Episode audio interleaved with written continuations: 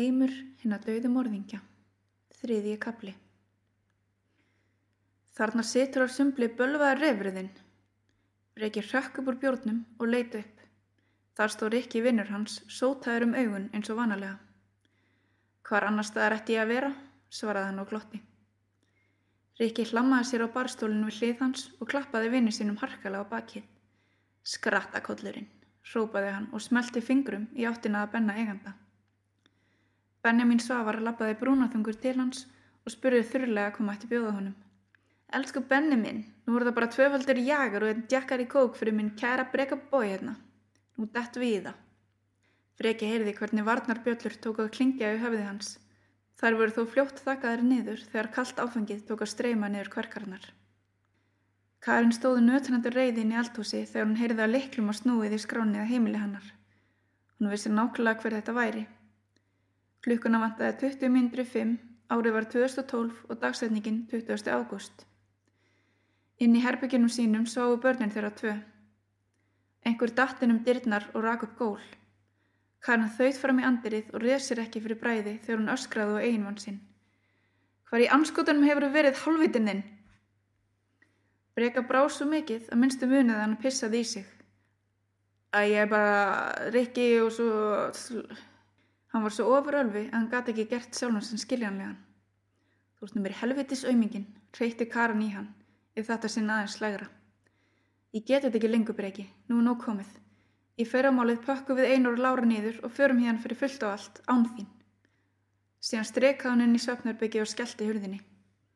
Breki lá einn eftir og sopnaði út á því að heitur ströymur af þvægi liðaðist niður byggsnarskálminu og gerði poll á gólfinu við hlið hans.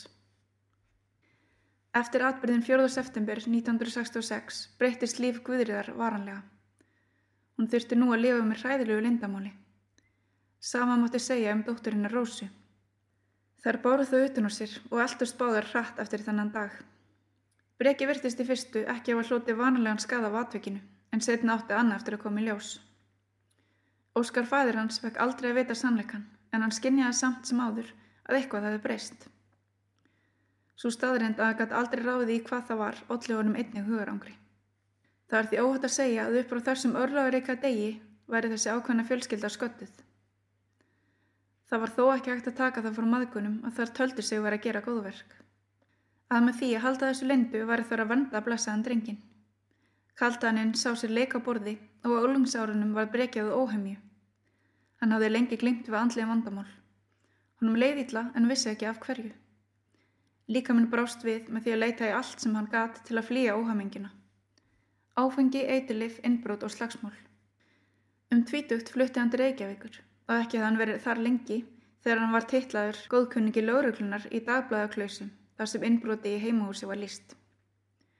Lengi vel lifiði hann á götunni í mikilli óreglu. Það var þá sem hann kynntist Rikka. Þeir félagar sáu um hvern annan. Eitt daginn þegar hann satt fyrir utan hlem og reykti síkrettu sem hann hefði snikt á smágutta sá hann unga móður stiga út úr strætavagni með unga dóttur sinna fanginu. Hún kisti hann á kollin og brosti svo undirbleitt til hennar. Eitthvað innra með breka brast. Hann stóð upp, ringdi í Rikka og baði hann um að retta sér fari. Hann ætlaði henn á vók og hana nú. Eftir meðfyrirna náðu breki að halda sér nokkurn veginn á línunni í nokkur ár. Það voru þeim tíma sem hann hitti Karin.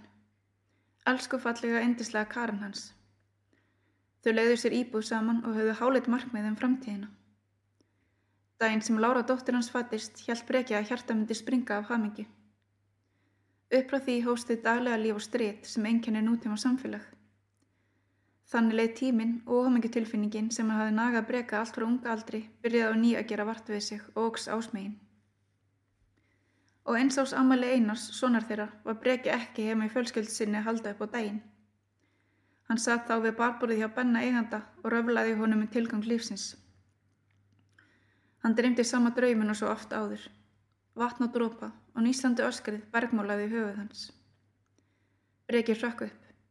Hann lá í andrinu heima á sér í sínum eigin hlandpolli. Kleóbetra kötturinn þeirra mjálmaði umkunnavert og strauk sér upp á honum. Hann reys á fætur með slæmangrun og stingi öllum líkamannum. Vest var þó hræðslustingurinn sem hann fann fyrir í maganum. Hann þauðt inn í herbyggi einars, þar var engin. Grunnurinn var þar staðfestur. Þetta hafði ekki verið draumur. Karan var farin með börnin þeirra. Hann hafði glatað þeim. Hann hafði mist allt. Þúsund litir glitrandi punktar. Breki starði niður hlýðina meðan hann kláraði að sjúa í sig það sem átti eftir að verða hann síðasta síkretta. Lokki strækja tegundin. Mótsögnin var ærandi.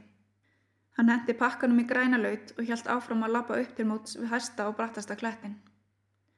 Það tók hann lengri tíma en hafi búist við að klífa fjallið. Svo staðrind að hann var í 50 karlmaður með þól á við asmosjúkt lamadýr virtist ekki að kvarlað á honum á neinum tímapunkti. Þar sem hann stóði upp á klettinum tók hann andköf. Því eitt útsinni. Fegurðin var sásökafull. Hann táraðist þegar vindurum blés af öllu afli á móti honum.